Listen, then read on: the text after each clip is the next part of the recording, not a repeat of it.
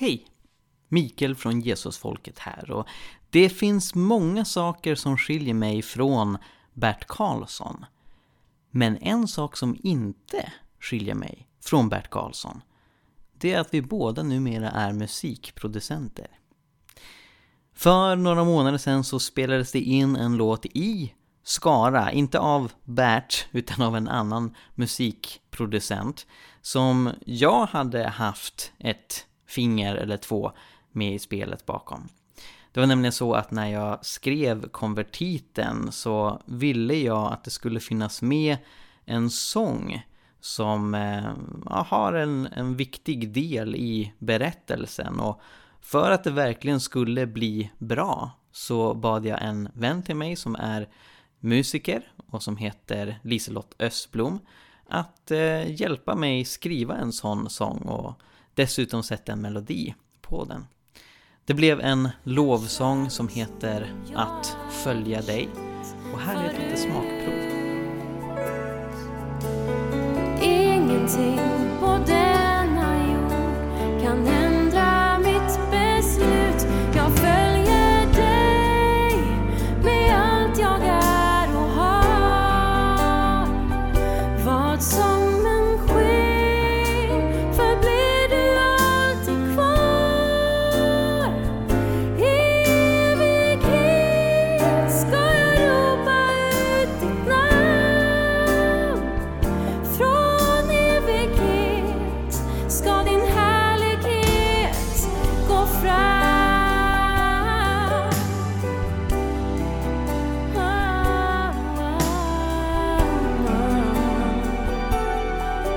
här låten finns släppt nu på Spotify och andra musikkanaler och jag tänker dessutom att vi slänger in hela versionen i slutet av det här poddavsnittet.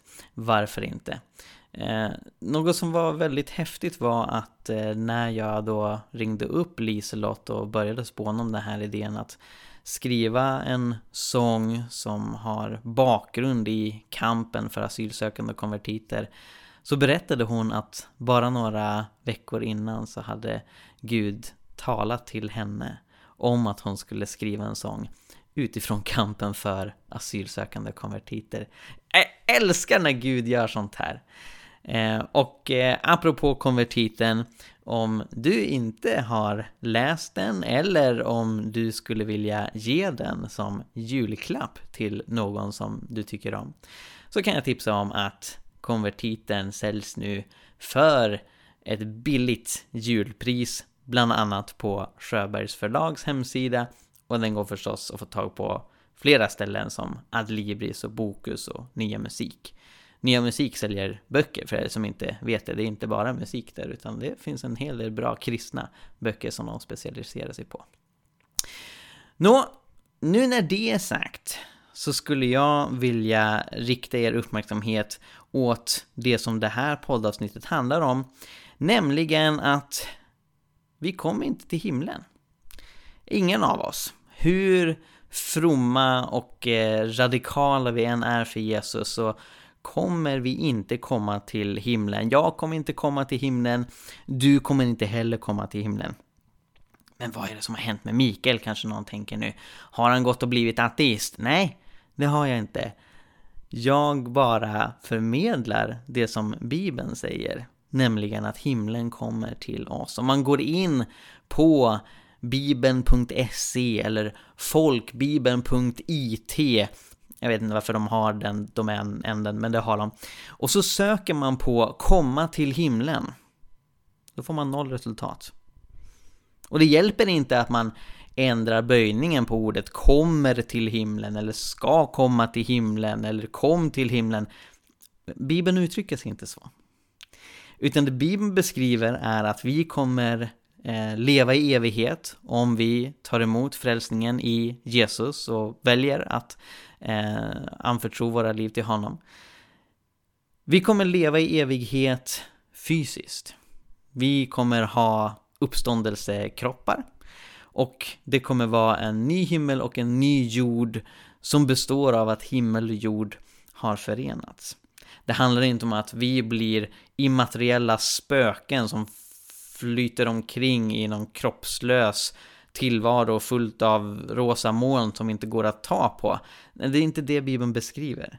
Utan det Bibeln beskriver är ett förnyat, upprättat universum när Gud har utrotat allt det onda och det enda som återstår är att vi får njuta av livet precis som Gud har tänkt det tillsammans med honom i evigheters evighet. Och det här var någonting som jag kom in på i en predikan som jag nyligen höll i Missionskyrkan i Uppsala. Det var egentligen inte tänkt att jag just skulle prata om, om specifikt det här. Jag blev kallad att prata i den här kyrkan för att eh, uppmärksamma eh, min bok, men eh, predikan skulle inte styras av det ämnet, utan det fick jag sen prata om eh, i efterhand i kafédelen av, av kyrkan, så fick jag prata om kampen för asylsökande och konvertiter och, och så vidare. Va? Eh, men eh, Missionskyrkan följer kyrkoåret och det var domsöndag i söndags. Så då var ju ämnet Jesu återkomst och den nya himlen och den nya jorden. Eh, och det är någonting som jag gladeligen talar om för jag tycker sånt här är jätteviktigt och, och spännande. I en av texterna i Matteus 25 så talas det inte bara om den fantastiska framtid som väntar de frälsta, utan också om det eviga straff som väntar de som inte är frälsta. Så det var ju också något som jag behövde prata om. Eh, och eh, ja, ni får höra vad jag säger. Jag fick sen reda på att i den här kyrkan så har det predikats universalism i 40 år, alltså idén att alla blir frälsta. Och det var ju inte vad jag sa. Jag tror faktiskt att det blir en dubbel utgång, att det finns människor som går miste om det eviga livet, tyvärr. Och jag förklarade varför jag tror att det är så utifrån hur jag läser Bibeln. Eh, men jag vill ju också förmedla att eh, jag har respekt för de som tänker annorlunda, även om jag tycker att, att eh, de tyvärr har fel. Och är villig att, att prata om det här för att ah, egentligen, alltså jag är ju intresserad av mycket som, som ni vet. Men just det här att prata om odödlighet, att prata om framtiden, att prata om vad Gud har tänkt för oss framöver, det är något av det mest spännande som jag tycker det går att prata om. Eh, och det är samtal som jag tycker är väldigt viktiga. Så i det här poddavsnittet så ska ni få höra den här predikan. Eh, det är en ganska kort predikan. Eh, och jag ska meddela att både jag och Sara har väldigt fullt upp just nu med våra masteruppsatser. Vi kommer nog inte ha tid med särskilt mycket annat alls fram till jul och därefter vill vi vila. Eh, så eh, även om vi har flera idéer och förberedelser för spännande poddavsnitt, bland annat så ska vi intervjua en ledare för den iranska underjordiska husförsamlingsrörelsen, vilket blir jättespännande. Eh, men det kommer ni få höra nästa år. Utan det här får bli årets sista avsnitt. Eh, och eh, jag tänker att istället för att bara lämna er med en 20 minuters predikan så ska jag fylla ut er tid, för de som vill lyssna åtminstone, med eh, NT Wrights tankar om det här att vi kommer inte till himlen, Bibeln beskriver inte en, en vision av att vi far någon annanstans Eh, efter vi dör, utan det Bibeln beskriver det är att himlen kommer till oss. Så för att eh, ge ytterligare stöd för denna något kontroversiella, men jag uppfattar det som väldigt bibliska tes, eh, så vill jag även luta mig på den Eh, mycket erkända och kloke teologen N.T. Wright, som är så pass cool att när han besvarar bibelfrågor och sitter med bibeln i knät, då är det den grekiska nytestamentliga texten som han läser från och så översätter han till engelska direkt i huvudet. Så det blir spännande, men allra först min predikan från Missionskyrkan Uppsala, Domsedagen 2021.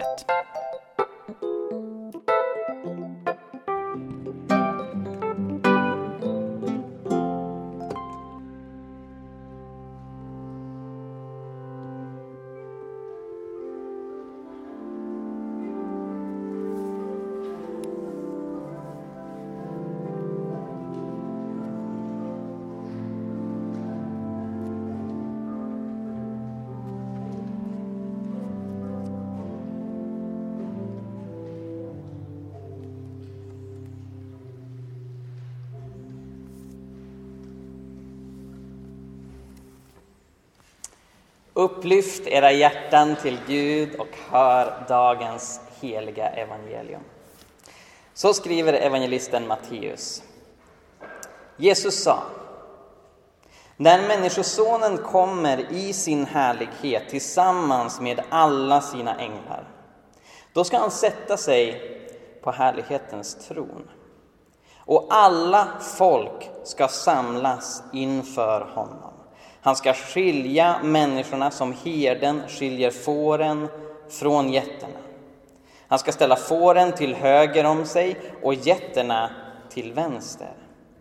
Sen ska kungen säga till dem som står till höger, kom, ni som har fått min faders välsignelse och överta det rike som har väntat er sedan världens skapelse. Jag var hungrig och ni gav mig att äta. Jag var törstig och ni gav mig att dricka. Jag var hemlös och ni tog hand om mig. Jag var naken och ni gav mig kläder. Jag var sjuk och ni såg till mig. Jag satt i fängelse och ni besökte mig. Då kommer de rättfärdiga att fråga, Herre, när såg vi dig hungrig och gav dig mat?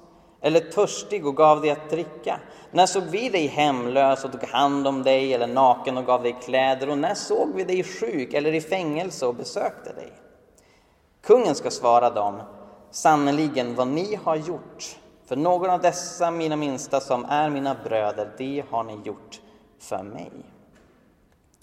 Sen ska han säga till dem som står till vänster, gå bort från mig, ni förbannade, till den eviga eld som väntar djävulen och hans änglar. Jag var hungrig och ni gav mig inget att äta. Jag var törstig, ni gav mig inget att dricka. Jag var hemlös och ni tog inte hand om mig. Jag var naken och ni gav mig inga kläder, sjuk och i fängelse och ni besökte mig inte. Då kommer också de att fråga, Herre, när skulle vi ha sett dig hungrig eller törstig eller hemlös eller naken eller sjuk eller i fängelse och lämnat dig utan hjälp? Då ska han svara dem, sannerligen vad ni inte har gjort för någon av dessa minsta, det har ni inte heller gjort för mig. Dessa ska gå bort till evigt straff, men de rättfärdiga till evigt liv. Så lyder det heliga evangeliet. Vi lever i en vacker men trasig värld. En värld där det finns både godhet och ondska. Och om man engagerar sig för att göra världen bättre, vilket jag absolut tycker att vi alla ska sträva efter, så är det ganska lätt att bli missmodig. Världen är nämligen väldigt orättvis och har varit det i tusentals år. Jag tänker exempelvis på klimatförändringarna som världens rika länder till allra största del har orsakat, men det är de fattigaste länderna som drabbats hårdast av dem.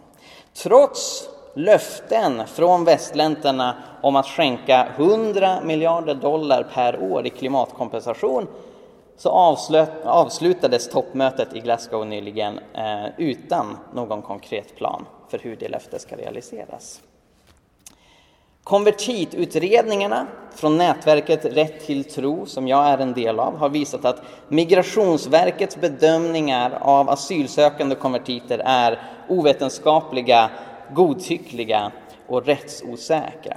Och som en följd av det så har Sverige utvisat hundratals döpta, församlingsengagerade kristna till länder som Afghanistan där den nya talibanregimen just nu bedriver kraftig förföljelse mot dem. Men Migrationsverket och regeringen har inget juridiskt ansvar för vad som händer med dessa utvisade personer, inte ens om de dör. Det här är orättvisor som jag verkligen hoppas kan åtgärdas framöver. Och det är en kamp som jag är engagerad i. Men jag tror också vi behöver vara medvetna om att det har funnits orättvisor som aldrig blev åtgärdade i den här världen. För över hundra år sedan så kunde baptistmissionären Edvard Sjöblom avslöja att den belgiske kungen Leopold II bedrev en terrorregim i Kongo, vilket var hans privata egendom. Hela befolkningen förslavades i praktiken. Många torterades, uppemot 10 miljoner dog. Leopold fick utstå mycket kritik när det här uppdagades i Europa. Men det var det. Han blev aldrig ställd inför rätta. Han dog lika rik och mäktig som han föddes. Nej, han var faktiskt ännu rikare på grund av exploateringen i Kongo.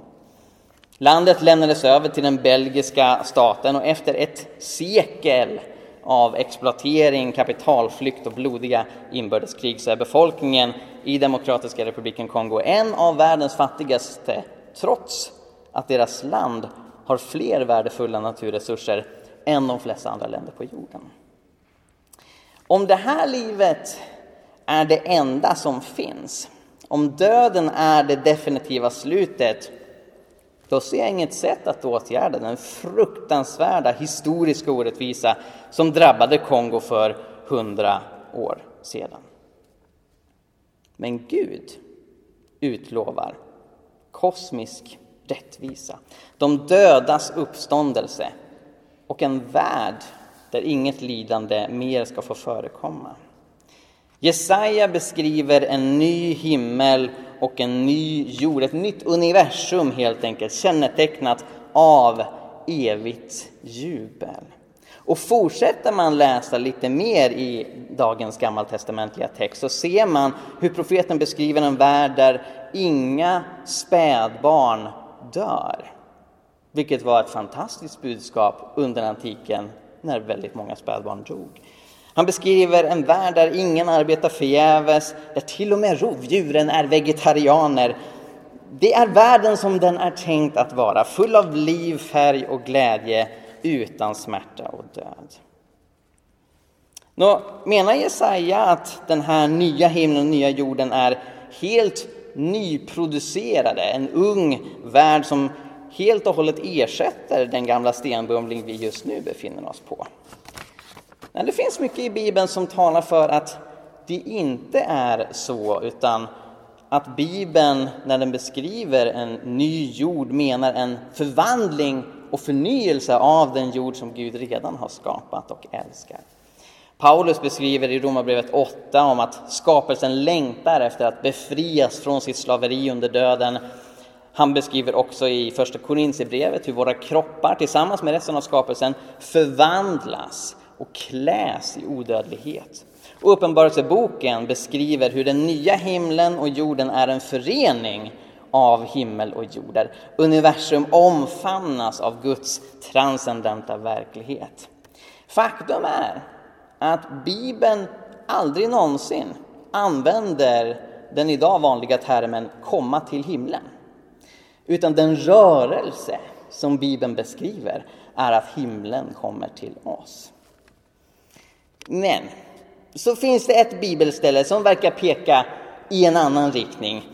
Andra Petrusbrevet kapitel 3, dagens episteltext. Där låter det onekligen som att Guds plan är att spränga den här jorden så att självaste molekylerna smälter samman likt en kosmisk dödsstjärna från Star Wars vars syfte är att radera allt vi känner till och ersätta det med något helt annat än jord 2.0.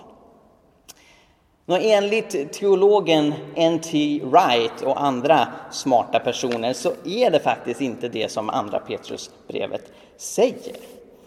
Utan det Petrus gör är att han använder gammaltestamentligt profetiskt språk för att kommunicera skapelsens förnyelse genom smältugnens eld. Tanken är att det onda bränns bort medan metallen renas och förädlas. Vilket förstås inkluderar de frälsta.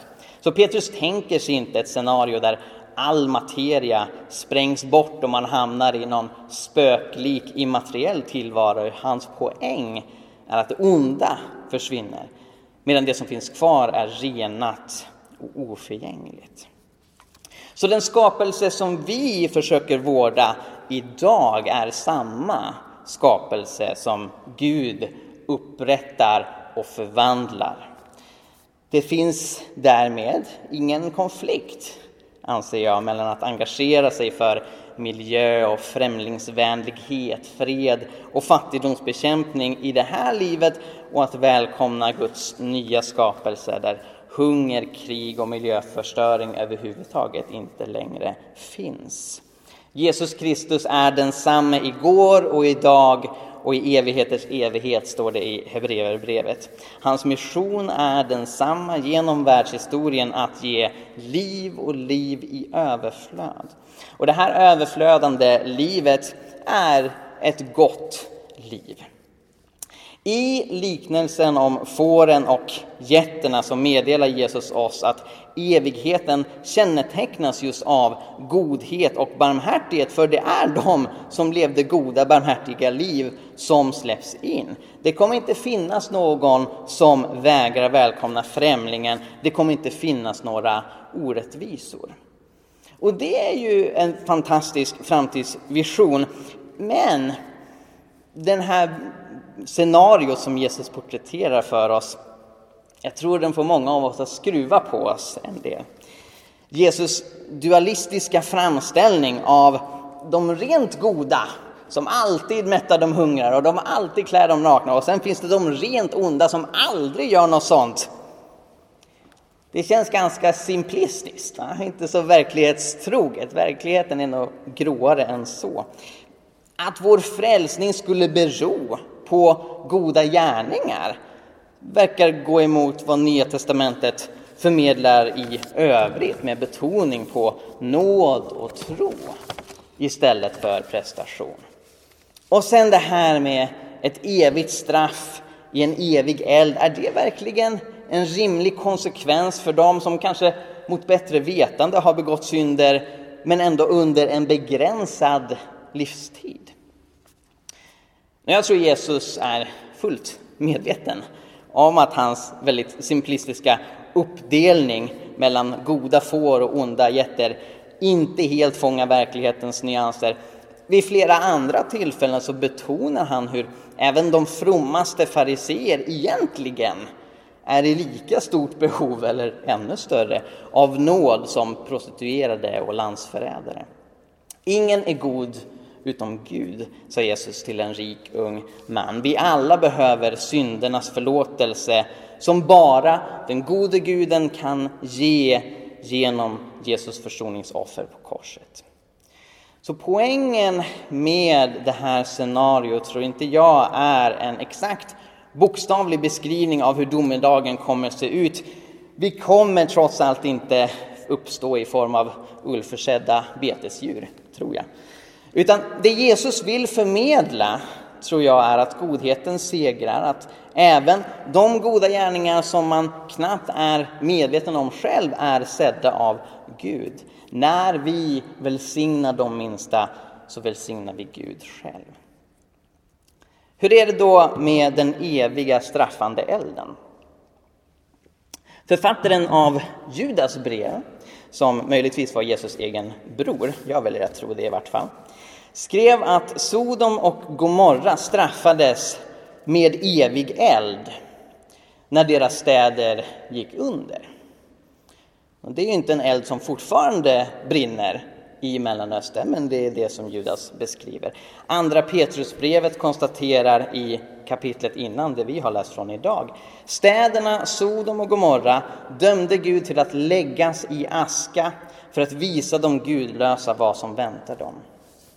Hebreerbrevet beskriver en fruktansvärd väntan på domen och en rasande eld som ska förtära motståndarna. Så helvetets eld, som den beskrivs i Nya Testamentet, är egentligen inte en eld som håller människor vid liv så att de kan plågas och torteras i en evighet. Den tron verkar snarare ha kommit med kyrkofadern Tatianus och utvecklades sedan vidare av Augustinus på 400-talet. Utan domens eld som den framställs i Nya Testamentet är en eld som förtär och förgör synden och även de själar som håller fast vid synden istället för att kasta sig på Guds nåd. Jesus säger i Matteus evangeliet kapitel 10 Var inte rädda för dem som kan döda kroppen, men inte kan döda själen. Frukta istället honom som kan förgöra både själ och kropp i helvetet. Sen har det naturligtvis funnits och finns många varmt troende kristna som menar att alla till slut kommer bli frälsta. Alla kommer få evigt liv. Och medan jag förstås anser att det vore fantastiskt kan jag inte se det i den bibliska uppenbarelsen.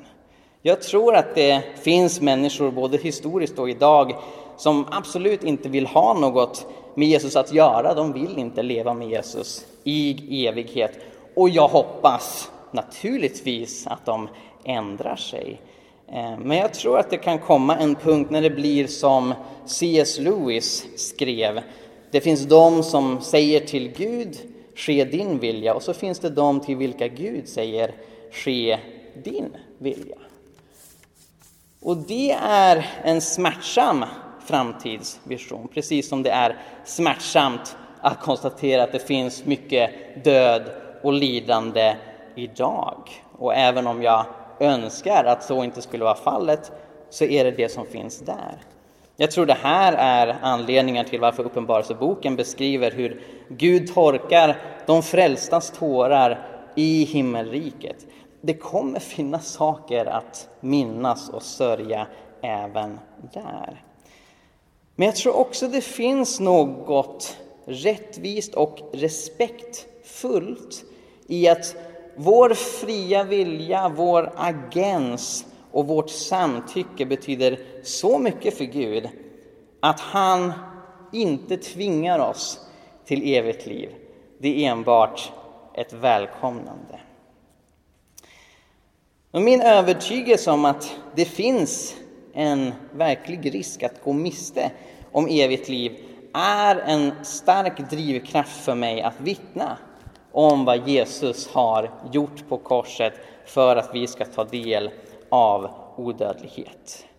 Så inte nog med att jag i flera år har varit engagerad för miljö och rättvisefrågor och flyktingfrågor. Jag har också varit mycket engagerad evangelist. Jag tror att ett diakonalt engagemang och en frimodig, respektfull presentation av evangeliet hör samman med varandra och stärker varandra. Precis som diakonen Stefanus som kombinerar sin hjälp till Jerusalems fattiga med att predika evangeliet och bemöta invändningar mot det, så vill jag både i ord och handling förmedla Kristus så att människor kan bli berörda av hans kärlek redan här och nu och fortsätta vara med honom i evigheters evighet. Och det innebär att när jag misslyckas att ge dem vad de behöver och döden skiljer oss så finns det ett hopp för dem oberoende av mina misslyckanden. Jag kan finna tröst i att oavsett vad som händer så kommer Gud garantera evig rättvisa. Jag har en vän vars egentliga namn jag inte ska säga av säkerhetsskäl, men vi kan kalla honom Elias. Elias är en av dessa asylsökande konvertiter. Han flydde från ett land i Mellanöstern, sökte asyl i Sverige. Och han var inte kristen när han kom, men väl här, efter att ha blivit drabbad av depression och Eh, till och med övervägde att ta sitt liv, så uppenbarade sig Jesus för honom i en dröm. Och Elias förstod först inte vem det här var. Han såg att det var en gestalt som hade märken efter spikar i händerna. Och enligt Elias muslimska tro så blev Jesus aldrig korsfäst. Men den här gestalten sa till honom att han var Jesus, att han är Gud och frälsare. Och Jesus visade Elias en kvinna i den här drömmen och sa hon kommer förklara mer om vem jag är. Sen vaknade Elias. I omkring tio dagar så gick Elias omkring i byn där flyktingboendet låg och letade efter den här kvinnan och helt plötsligt en dag så såg han henne, precis som hon hade sett ut i drömmen. Jesus hade sagt till henne, hon hette Majken. Så Elias sprang fram och sa, Majken, får jag prata med dig? Ja, det kan vi ordna, sa Majken. Vi kanske kan eh, boka en tid nästa vecka. Nej, men jag måste få prata med dig nu, sa Elias. Det är en väldigt viktig person som har sänt mig. Jaha, vem är det då? Det är Jesus! Ja, då måste vi prata, sa Majken. Det visade sig att hon var kyrkoherde i den lokala församlingen. Hon vägledde honom i den kristna tron och ordnade att han döptes. Hon och andra i församlingen kämpade för att han skulle få uppehållstillstånd för Migrationsverket ville skicka tillbaka honom till sitt hemland trots att kristna konvertiter är allvarligt förföljda där, trots att Elias egen pappa smärtsamt nog blev så rasande när han hörde att Elias hade lämnat deras tolkning av islam att han höll en offentlig begravning för sin son med en tom kista och sa att när han kommer tillbaka hit då ska vi placera honom där. Elias lyckades få kontakt med sin syster som var kvar i hemlandet. Hon beskrev hur hon var allvarligt sjuk och att ingen vård tycktes hjälpa. Be till Jesus, uppmanade Elias. Han kan hjälpa dig. Hon ville inte be till Jesus. Hon var orolig för att det var en synd att be till Jesus, att Gud skulle bli arg på henne. Säg då så här, sa Elias. Jag ber till den Gud som min bror ber till, att jag ska bli frisk. Några dagar senare så hörde hon av sig och sa att hon inte längre hade några problem. Hon hävdade till och med att när hon hade bett bönen så kände hon en värme på ryggen. Och när hon tittade sig i spegeln så var det som ett märke av en hand precis där hennes smärta hade varit som störst. Och hon meddelade Elias att hon ville följa Jesus. Det var sista gången de hade kontakt. Vi vet inte vad som hände med Elias syster. Det finns en uppenbar risk för att någon, kanske hennes då väldigt intoleranta far eller någon annan upptäckte att hon blivit kristen och utsatte henne för något hemskt. Ännu ett exempel på en orättvis och tidvis grym värld. Min övertygelse är att rättvisa kommer. Min övertygelse är att ljuset lyser även i det svartaste mörker och att mörkret inte har övervunnit det. Det ljuset för med sig en ny himmel och en ny jord utan orättvisor, utan lidande och utan död. Amen.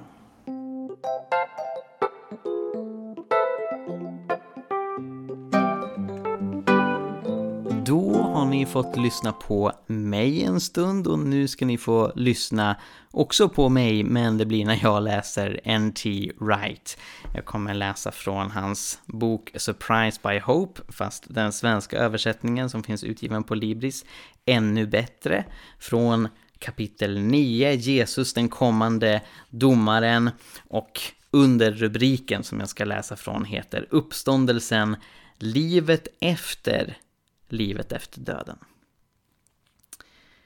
I det andra kapitlet såg vi att de tidiga kristna var anmärkningsvärt eniga i fråga om livet efter döden. Fastän det i deras samtid fanns en stor spännvidd av uppfattningar både inom den grekisk-romerska hedendomen och inom judendomen.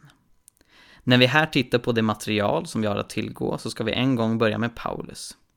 I det föregående kapitlet betonar jag att när Paulus i Filipperbrevet 3 säger att vi är medborgare i himlen, innebär det inte att vi ska återvända dit när vi har slutfört vårt uppdrag här. Tvärtom, direkt därpå säger han att vi därifrån väntar den som ska rädda oss, Herren Jesus Kristus. Han ska förvandla den kropp vi har i vår ringhet, så att den blir lik den kropp han har i sin härlighet, eftersom han har kraft att lägga allt under sig. I denna korta framställning ryms egentligen hela Paulus tänkande i frågan. Den uppståndne Jesus är både en förlaga för den kristnes kommande kropp och medlet genom vilket denna kropp blir till. På samma sätt är det i Kolosserbrevet kapitel 3, vers 1-4. När Kristus träder fram, han som är ert liv, då ska också ni träda fram i härlighet tillsammans med honom, skriver Paulus. Han skriver inte då kommer ni att lämna världen för att vara med honom. Kristus är redan vårt liv.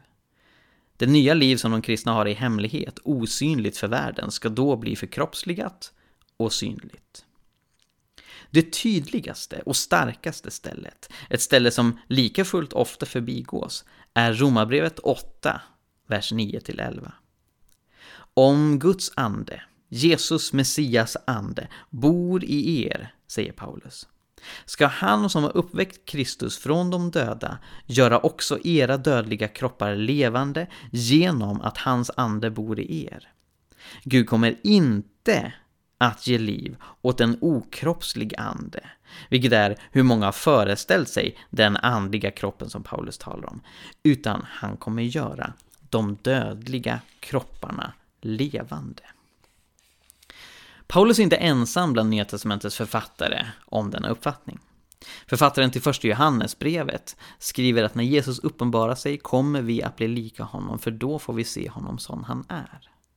Jesu uppståndelsekropp, vars härlighet och kraft vi nu knappast kan föreställa oss, kommer att bli förlagan för våra egna. Och i Johannes evangeliet finns trots att somliga försöker tolka det på ett helt annat sätt, några av de tydligaste utsagorna om kroppens framtida uppståndelse. Jesus bekräftar den utbredda judiska förväntningen på uppståndelsen och säger att stunden för denna uppståndelse redan har kommit. I stycket vi tittar på i det förra kapitlet så råder det inga tvivel om saken. Jesus sa, den stund kommer, ja den är redan här, då de döda ska höra Guds sons röst och de som hör den ska få liv. För liksom Fadern äger liv så har han också låtit Sonen äga liv och han har gett honom makt att hålla dom eftersom han är Människosonen. Var inte förvånad över detta. Den stund kommer då alla som ligger i sina gravar ska höra hans röst och gå ut ur dem. De som har gjort det goda ska uppstå till livet och de som har gjort det onda ska uppstå till domen. Detta är uppenbart en anspelning på tolfte kapitlet i Daniels bok och på andra ställen som Jesaja 26 och Hesekiel 37. Här visar sig också en spänning i förhållande till Paulus som oftast tycks uppfatta uppståndelsen som en gåva från Gud till de som är i Kristus, även om andra Korinthierbrevet kapitel 5, vers 10 säger något annat. En del av kyrkofäderna följer med stor entusiasm Johannes på denna punkt och understryker vikten av att de onda också uppstår, nämligen för att bli dömda. Vi ska återkomma till detta. Men här måste vi gå tillbaka till något vi nämnde tidigare. Vad menar Jesus egentligen när han säger att det finns många rum i hans faders hus? Ofta har det uppfattats, inte minst när det används riktat till sörjande människor, som ett löfte att de döda, eller åtminstone de döda kristna, kommer att komma till himlen och stanna där för alltid, snarare än att uppstå till nytt kroppsligt liv. Men det grekiska ordet som har översatts med rum, eller boningar, mone, användes i regel inte om slutliga vilorter utan om tillfälliga stopp på resor någon annanstans. Samma bild framträder i Jesu ord till den döende förbrytaren på korset i Lukas evangeliet. Redan idag ska du vara med mig i paradiset.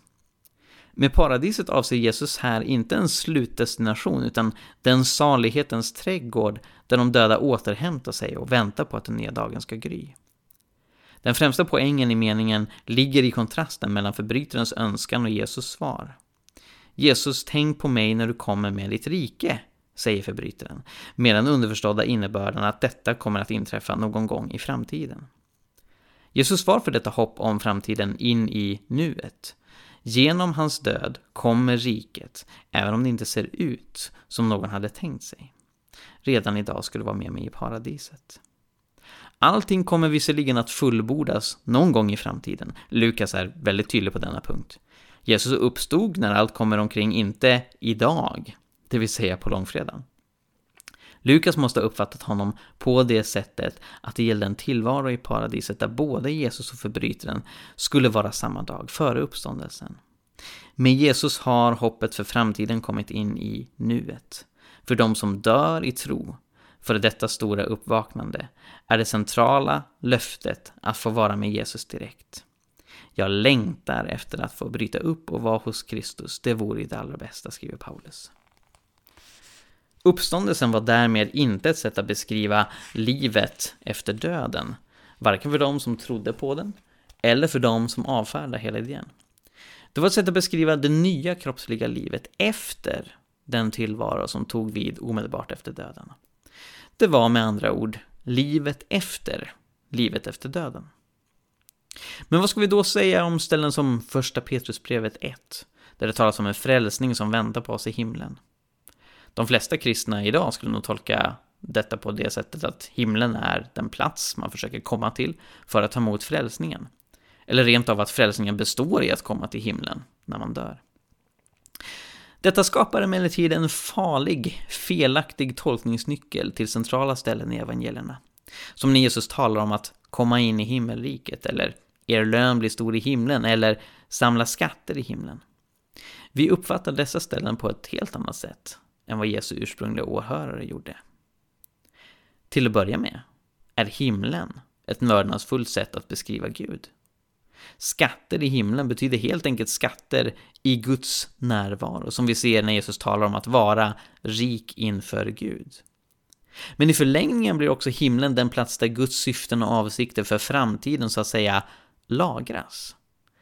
Det är inte där de är tänkta att vara för alltid, så man skulle behöva komma dit för att komma i åtnjutande av dem. Det är där de hålls i säkert förvar tills den dag kommer då de ska bli verklighet på jorden. Om jag säger till en vän att det finns öl i kylskåpet till honom betyder det inte att han måste sätta sig i kylskåpet för att dricka den. Den oförstörbara nya världen och de oförgängliga nya kropparna finns i säkert förvar och väntar på oss. Inte så att vi ska komma till himlen och ta på oss dem där, utan så att de en dag kan födas in i denna värld. Det är också värt att notera att det i de tidiga kristna skrifterna talas ganska lite om själen, mindre än i övrig antik litteratur. Trots att det har skrivits mycket om själen inom kristendomen senare används det ingenstans i Nya Testamentet i betydelsen den del av dig som till sist kommer bli frälst. När det talas om själen är det inte frågan om någon immateriell inre del av människan, utan snarare om personen eller personligheten. Poängen i första Petrusbrevet 1 är att denna person, ditt verkliga du, redan blir frälst och en dag kommer han få ta emot denna frälsning i full kroppslig form. Det är därför Petrus helt riktigt förankrar hoppet om frälsningen i Jesu uppståndelse. Gud har, säger han, i sin stora barmhärtighet fött oss på nytt till ett levande hopp genom Jesu Kristi uppståndelse från de döda.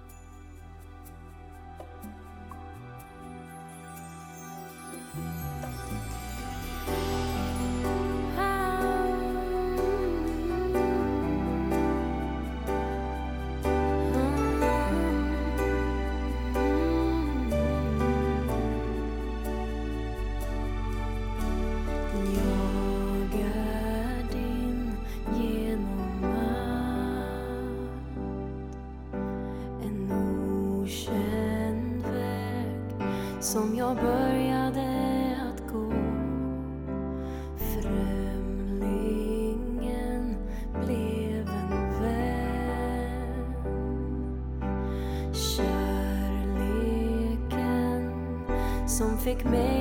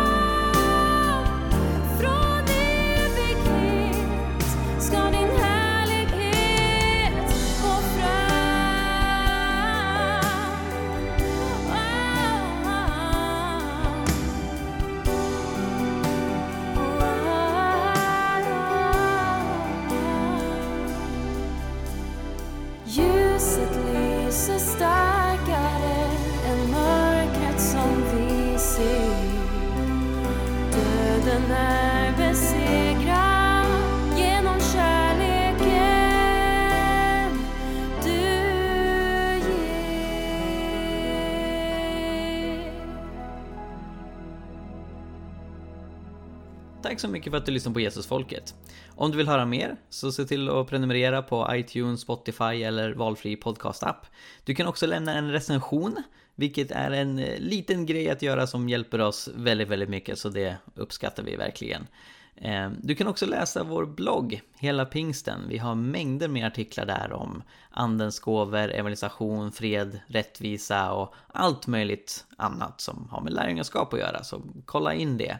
Och vi finns på sociala medier, du kan följa både Jesusfolket och Hela Pingsten på till exempel Facebook. Tack så mycket, Gud välsigne dig och eh, fortsätt vara en del av Jesusfolket.